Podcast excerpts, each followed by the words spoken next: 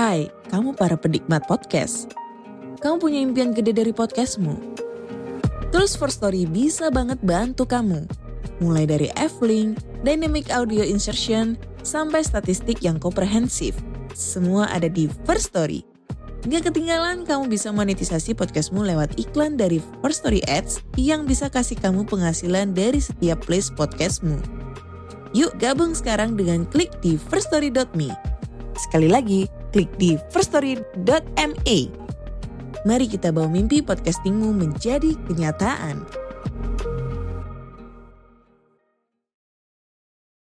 Assalamualaikum warahmatullahi wabarakatuh.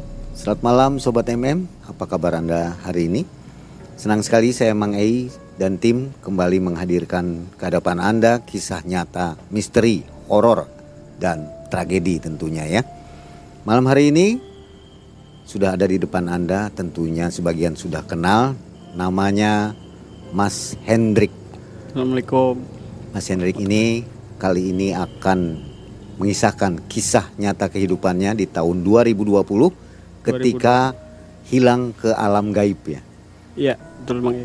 Jadi kisahnya Mas Hendrik sedang menuju dari Kuningan ke Cirebon dan mengalami kejadian yang sangat di luar dugaan. Di luar dugaan. Sebelum kita mulai, tentu saja saya ucapkan banyak terima kasih kepada Sobat MM yang telah mendukung channel kami sampai dengan hari ini. Mudah-mudahan Anda selalu dilimpahkan kesehatan dan rezeki ya. Amin, amin, amin. Nah, sebelum Mas Hendrik cerita, ini kisahnya akan ditelusuri oleh Mas Haris dari channel Malam Mencekam Explore. Jadi Mas Haris nanti akan menelusuri TKP-nya tempat kejadian uh, tempat kejadian ini ya Iya, di daerah di daerah Kuningan ya, Cer- Kuningan Cirebon aja. daerah situ Mas Haris akan melakukan pes- uh, penelusurannya. Kita undang dulu Mas Haris ya. Supaya Mas Haris bisa langsung ngobrol-ngobrol dengan Mas Henrik. Nah, Mas Haris ini adalah seorang host di channel Malam Mencekam Explore. Jadi jangan lupa kepoin, ngonton setiap malam live dari Malam Mencekam Explore langsung oleh Mas Haris yang sendiri ya.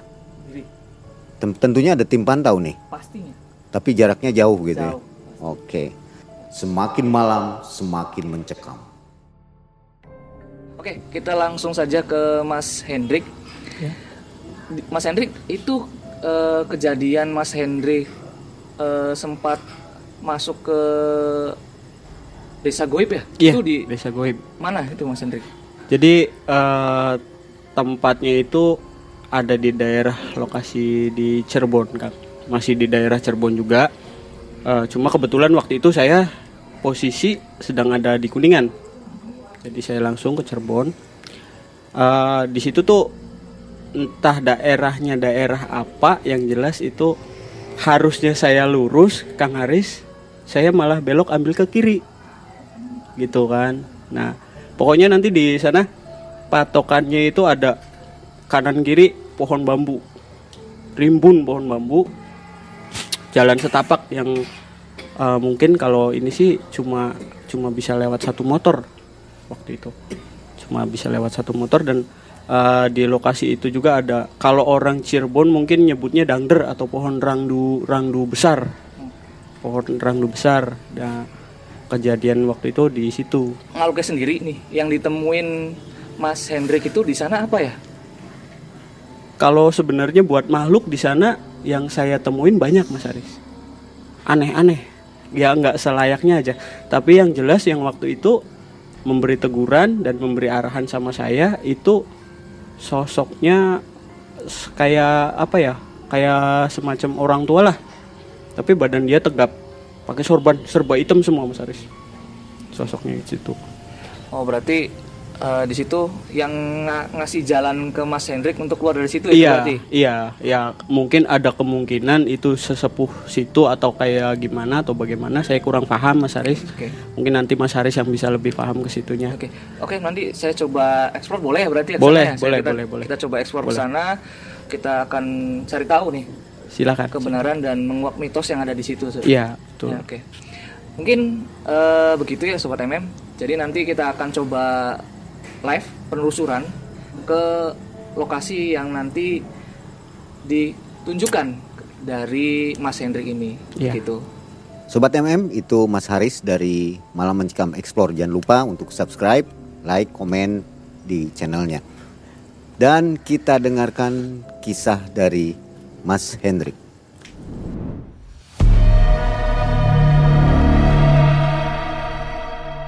tepatnya di tahun 2020 waktu masih zaman zamannya booming pandemi covid mang e itu saya posisi sedang ada di daerah kuningan waktu itu di daerah kuningan. Kebetulan kan ada acara keluarga di sana. Saya juga eh, lagi eh, ngumpul bareng sama keluarga gitu kan. Buat yang mungkin belum tahu kalau profesi saya kan sekarang jadi teknisi. Mang E sekarang jadi teknisi di kendaraan roda 2 sepeda motor. Nah kebetulan waktu itu saya ada acara keluarga di sana di Kuningan sama keluarga banyak rekanan juga di sana tepatnya jam 11 atau setengah 12 malam itu Mang E. Eh, yang ngasih tahu sih istri sebelumnya Mang E. Ya, ini ada telepon. Mau diangkat apa enggak? Dari siapa? Enggak tahu ini, nomornya baru katanya kan. Jadi cepatlah sama saya diangkat. Setelah saya angkat teleponnya itu ternyata teman saya. Namanya Derry. Nah, si Derry ini kebetulan juga eh, pelanggan setia. Dia ngasih kabar sama saya, Kang, bisa nyusul saya nggak?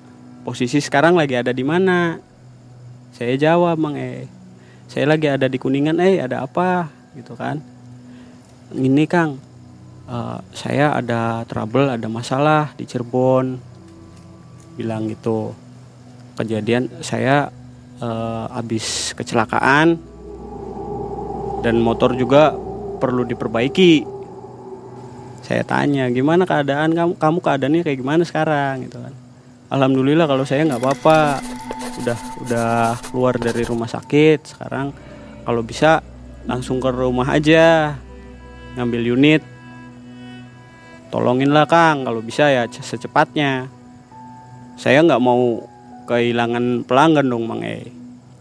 Saya langsung lah siapin alat-alat perkakas Ciao saya langsung cabut dari awal waktu itu saya berangkat iya kurang lebih jam 11 setengah 12 itu saya berangkat posisinya saya lupa kalau itu sebelumnya malam Jumat Kliwon Mang E. Sebelum tengah malam tuh saya langsung berangkat bawa motor. Dari Kuningan sampai ke perbatasan Cirebon Kuningan aman-aman aja. Nggak ada masalah apa-apa mang E. tiba-tiba motor saya yang bawa alat-alat itu tadinya normal-normal aja saya geber-geber apa normal. Nyampe ke perbatasan Cirebon kota itu mendadak mati mang E. aduh motor mati. Saya utak-utik utak-utik utak-utik tetap nggak mau jalan ini. Kenapa? Cuma posisi waktu itu dia nelpon lagi udah nyampe mana kang? Bentar kata saya. Ini saya juga ada masalah eh mendadak motor saya ngadat gitu kan. Jadi saya beberes dulu di sini sebentar. Saya beresin lah lagi tutup telepon saya langsung beresin. Ciao. Jalan. Waktu itu saya nggak lihat jam tapi kisaran sampai di sini nih aturan dari Cirebon apa dari Kuningan ke Cirebon itu nggak lama Kang E paling antara 30 sa- 30 menit sampai satu jam lah kurang lebihnya. Seharusnya itu. Di tengah jalan itu ngerasa aneh saya tuh ini kok jam segini kota Cirebon biasanya masih rame masih banyak yang lew apa lewat itu kan lalu lalang. Ini kok sepi banget. Apa saya salah jalan atau gimana gitu kan? Saya em, buka GPS buka map. Kok nambah lama nambah lama nambah perasaan nambah nggak karuan nambah nggak enak ini gimana gitu kan? Udahlah lanjut aja. Sambil naik motor saya perhatikan map. Lihat dilihat lagi dilihat lagi. Harusnya itu saya lurus mangai masuk ke jalur Cirebon mangai itu map ngarahinnya ke kiri. Kok map ngarahin ke kiri? Bener enggak sih? Penasaran ah udahlah karena udah malam juga kan saya jalan aja. Jalan masuk ke situ. Kok ini jalan nambah kecil nambah kecil? Bukan jalan besar kok jadi jalan setapak kayak gini gitu kan. Nah sampai situ baru mangai bulu kuduk saya merinding di situ. Motor mati lagi. Saya lihat GPS nggak gerak sinyal nggak ada Mang E. Ini gimana ya? Saya harus tepat waktu ke sana tapi kok kayak gini? Ini ini cobaan apa gitu kan? Saya inget-inget apa ya yang salah? Oh ternyata iya. Rata-rata malam Jumat Kliwon tuh pasti aja ada cobaannya. Dalam hati udah seperti itu mangai saya udah ketar ketir. Lah wallahu alam. Lanjut aja. Lanjut. Sambil beresin motor kanan kiri udah nggak ada nggak ada pemukiman warga lah. Cuma jalan setapak toang kanan kiri tuh. Panjang gelap.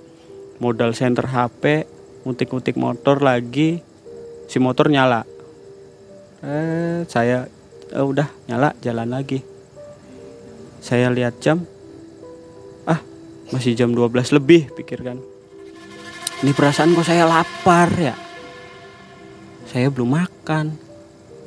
Entah mungkin itu sugesti saya atau memang salah pandangan saya.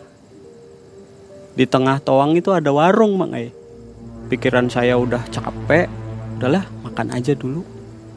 Saya tuh saya berhenti masuk ke dalam itu nggak ada orang mang eh. Cuma memang udah di etalase makanan itu masih ada makanan gitu banyak makanan lah. Saya manggil kan ibu mbak punten kata saya. Keluar ibu-ibu. Ibu-ibu itu tuh keluar. Kalau diartikan bahasa Indonesianya ya mas gimana? Mau pesan apa? Gitu kan mau makan apa langsung kan saya ah udah saking karena laparnya. Bu pesan ini ini ini ini ini gitu kan. Di situ sudah udah disiapin saya makan. Asik aja makan udah nggak peduli apa nggak peduli apa. Tiba-tiba kok warung kok nambah lama nambah sepi nambah gelap? Saya lihat ke kanan ke kiri nggak ada orang satu pun ini warung beneran warung atau bukan gitu kan. Saya berhenti makan. Berhenti makan saya lihat ngecek keadaan motor lagi kan di luar barangkali motor ada yang bawa atau apa gitu kan kita nggak tahu ya.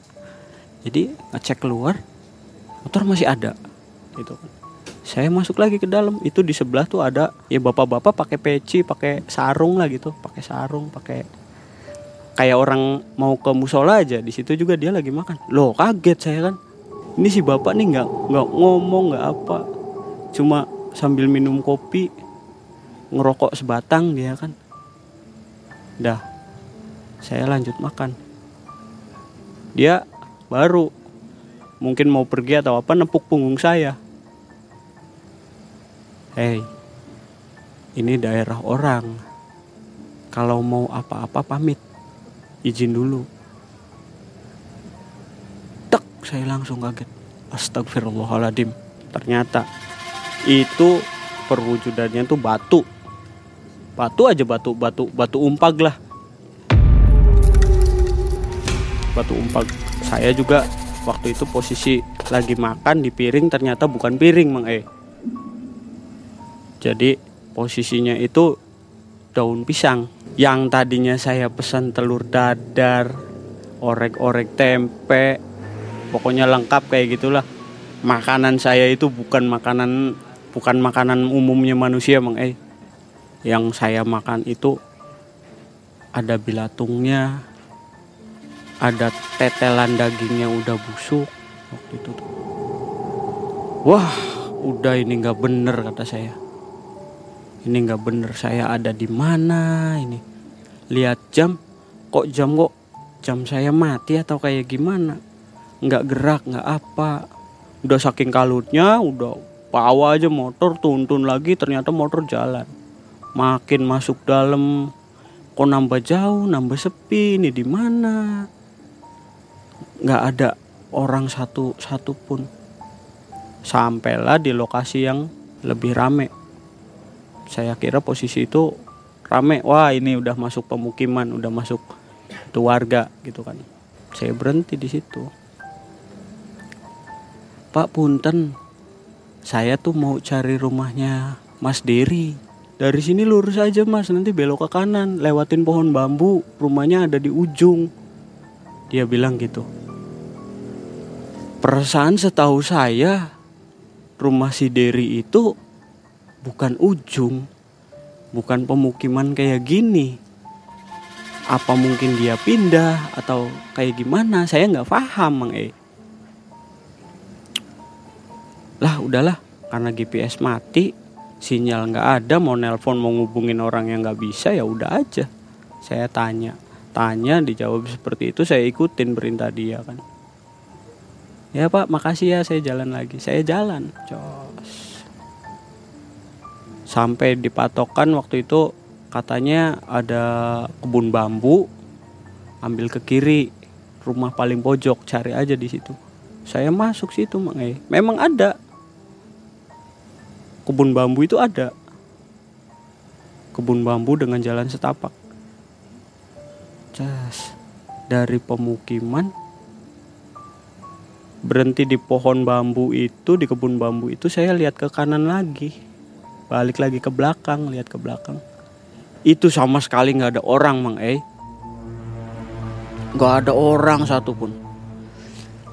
Ya Allah kok ini bisa kayak gini gitu kan? Wah udah pikiran nggak karuan. Ini di mana? Tempat apa? Saya nggak tahu. Walaupun saya orang Cirebon tapi saya belum pernah ke sini gitu kan. Saya belum pernah ke sini nggak tahu gitu. Sampai di situ udahlah lillahi ta'ala aja jalan lagi aja. Yes. Dari pohon bambu saya jalan pojok. Nah memang di situ posisi ada sebuah rumah mang eh mewah gitu. Berhenti. Saya di situ. Ketok-ketok. Nggak ada yang jawab. Saya gedor-gedor pagar nggak ada yang jawab. Nyari bel nggak ketemu bel. Ini rumah gede banget tapi kok nggak ada belnya? Pikir saya kan. Lihat handphone lagi nggak ada sinyal tapi kok jam segini-gini aja nggak berubah gitu. Perasaan dari awal saya berangkat sampai ke sini uh, jam bener pengaturan bener. Saya bawa jam tangan jam tangan juga bener gitu kan baterai nggak habis. Saya duduk di depan pagar itu ngelihat kanan kiri kanan kiri nggak ada orang. Sama sekali nggak ada orang. Saya ketok ketok apa nggak ada orang. Perasaan saya lama nunggu di situ setelah saya coba lagi ketok pagar lagi baru dibuka ada orang. Mas nyari siapa? Itu yang keluar perempuan. Perempuan. Ya dibilang mungkin kayak ART lah kasarnya ngomongnya. Kayak ART oh iya mbak ini saya cari Mas Dery saya mau beresin motornya Mas Dery katanya mau diambil.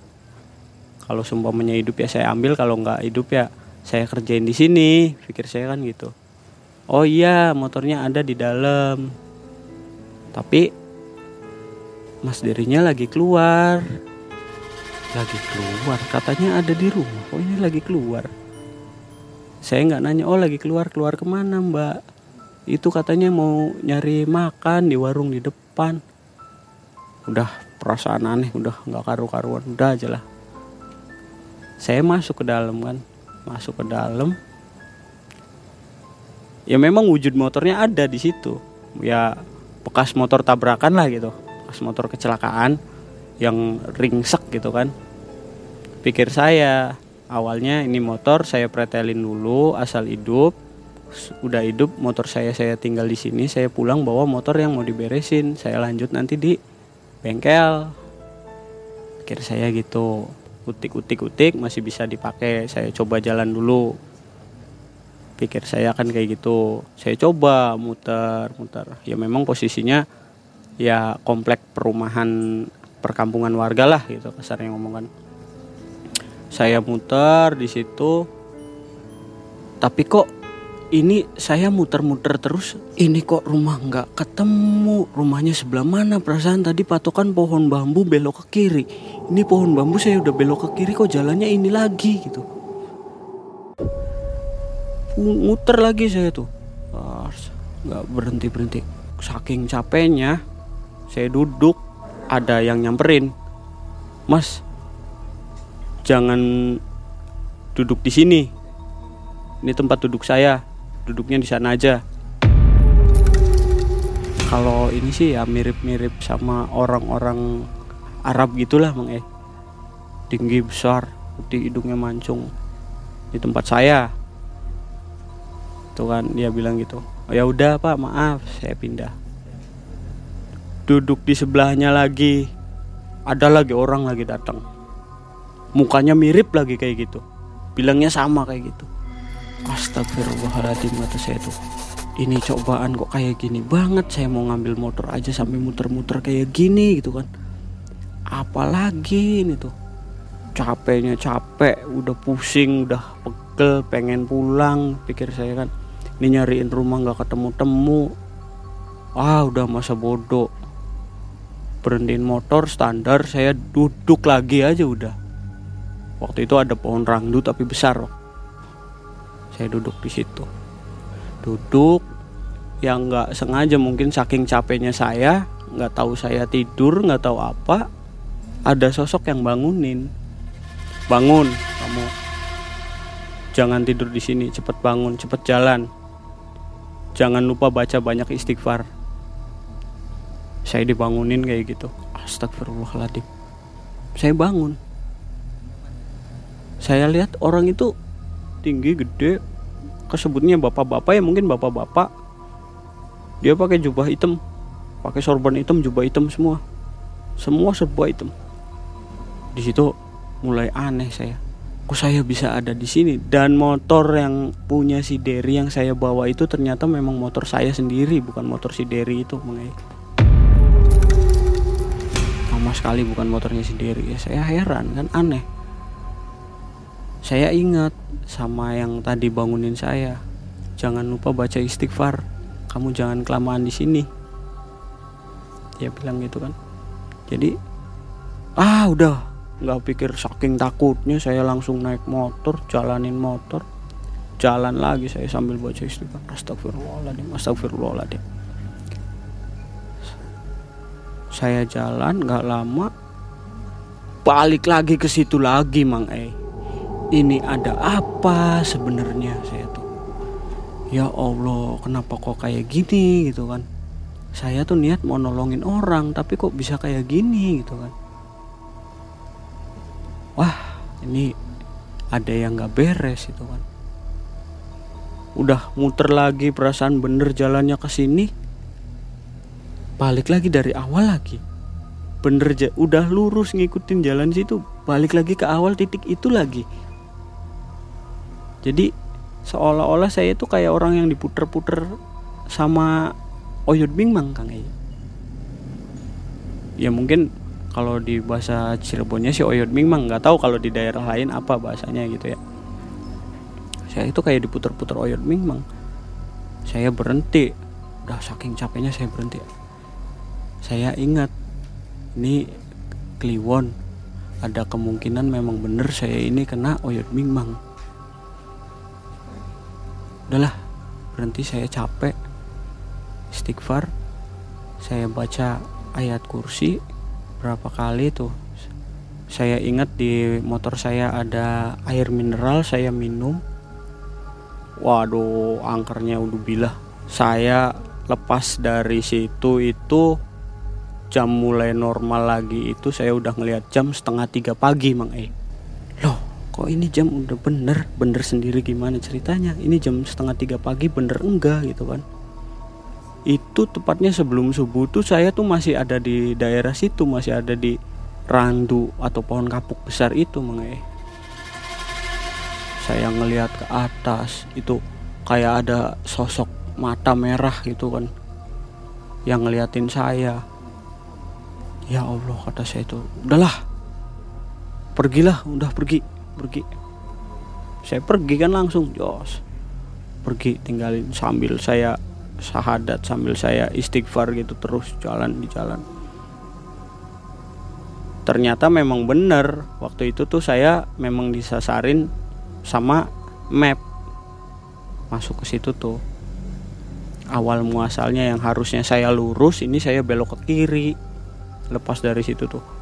Setengah tiga pagi jalan kok ini nambah berat nambah berat motor kenapa gitu kan? Kayak seolah di belakang tuh ada yang boncengin bang dia kayak bisik sama saya.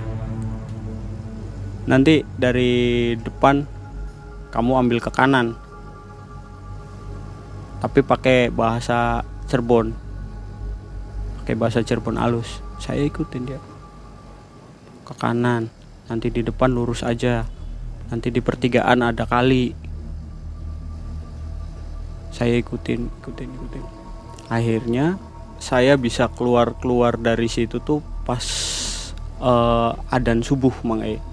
Baru saya bisa ngelihat alam-alam ya beneran alam sendiri gitu alam nyata tuh. Baru saya ada sinyal saya hubungin teman saya kan. Saya hubungin teman saya saya sampai dia nanya kan kamu ditunggu dari jam berapa kok datangnya jam berapa gitu kan. Di situ saya ceritain saya tuh kayak gini kayak gini kayak gini. Ya bener berarti kamu tuh masuk ke alam goib itu tuh. Masuk ke kampung goib. Memang mitosnya di situ kampung goib kata dia. Ah udah capek udah apa ngobrol-ngobrol-ngobrol sambil ngopi. Besok paginya jam setengah delapanan itu saya belum tidur waktu itu. Setengah delapan pagi itu saya diantar sama teman saya si Derry itu diantar saya. Kamu tadi lewat sini kan? Iya lewat sini. Kanan kiri kanan kiri tuh kamu lihat sendiri. Saya juga waktu kecelakaan tuh di sini. Seolah-olah saya masuk ke kampung apa ke kampung orang saya nabrak anak kecil padahal bukan itu yang saya tabrak itu tangkal kayu. Tangkal kayu bekas kayu roboh saya tabrak. Ternyata setelah saya nabrak itu saya sadar kalau itu tuh bukan bukan kampung. Setelah diselusuri oh ternyata seperti itu. Kok bisa gitu kan? Berarti kamu tuh nyasar di sini. Kamu tuh kena oyod bingmang di sini. Mitosnya di sini tuh oyod bingmang sama kakek kakek yang pakai sorban. Dia itu sesepuh di sini. Dia bilang gitu kan. memang bener nyata mang eh itu posisi tempat itu memang bener rame. Kalau posisi malam tuh rame. Tapi ramenya dalam artian kata rame rame rame makhluk makhluk seperti itu kalau yang kita sadar gitu tuh ya. Memang kebetulan waktu itu si teman saya itu juga dia punya kelebihan. Dia anak indigo juga waktu itu namanya perkampungan perkampungan gaib tuh ya memang betul perkampungan gaib. Yang kasarnya ngomong kuntilanak lagi midang sambil angkung-angklung kaki sambil nyisir rambut gini dari ada yang gundoruo kelihatan cuma kakinya doang ada mang eh. Waktu itu posisi saya dibuka mata batin saya itu sama teman saya yang anak indigo itu. Coba dibuka. Ya kelihatan semua. Ada yang lagi jalan. Wujudnya wujud kuda tapi kepalanya manusia eh, situ jalan aja jalan biasa. Mungkin mata batin waktu itu dibuka sama teman saya akhirnya kelihatan semua. Sampai datang ke tempat yang saya sebutin tadi pohon dangder tadi. Di situ ternyata si pohon itu rumah mewah tadi mang e. Rumah mewah yang saya kira rumah teman saya itu. Memang itu wujud aslinya pohon mungkin kerajaan atau apalah nggak ngerti gitu kan. Kuunya di situ mungkin kuunya dari situ udah saya kapok nggak nggak nggak nggak nggak lagi lagi lewat situ. Buat mungkin nanti uh, yang mau ngeksplor ke sana pesan saya ya hati-hati aja gitu. Benteng diri aja dulu. Jangan jangan serugul jangan jangan barbar lah intinya mah di situ nanti juga uh, kelihatan semua seperti apa seperti apanya. Karena memang mitosnya di situ seperti itu masih ingat wilayahnya daerahnya? Kalau wilayah masih jelas masih ingat bang ya pokoknya ada di daerah Cirebon. Nanti barangkali memang Kang Haris mau eksplor bisa insya Allah nanti saya antar ke sana itu kan. Lebih dekat ke Cirebon atau ke Kuningan kalau dari arah e, Cirebon mungkin lebih dekat dari Cirebon kota lebih dekat. Apakah berbahaya nggak nih kira-kira Mas Haris untuk eksplor di sana nanti?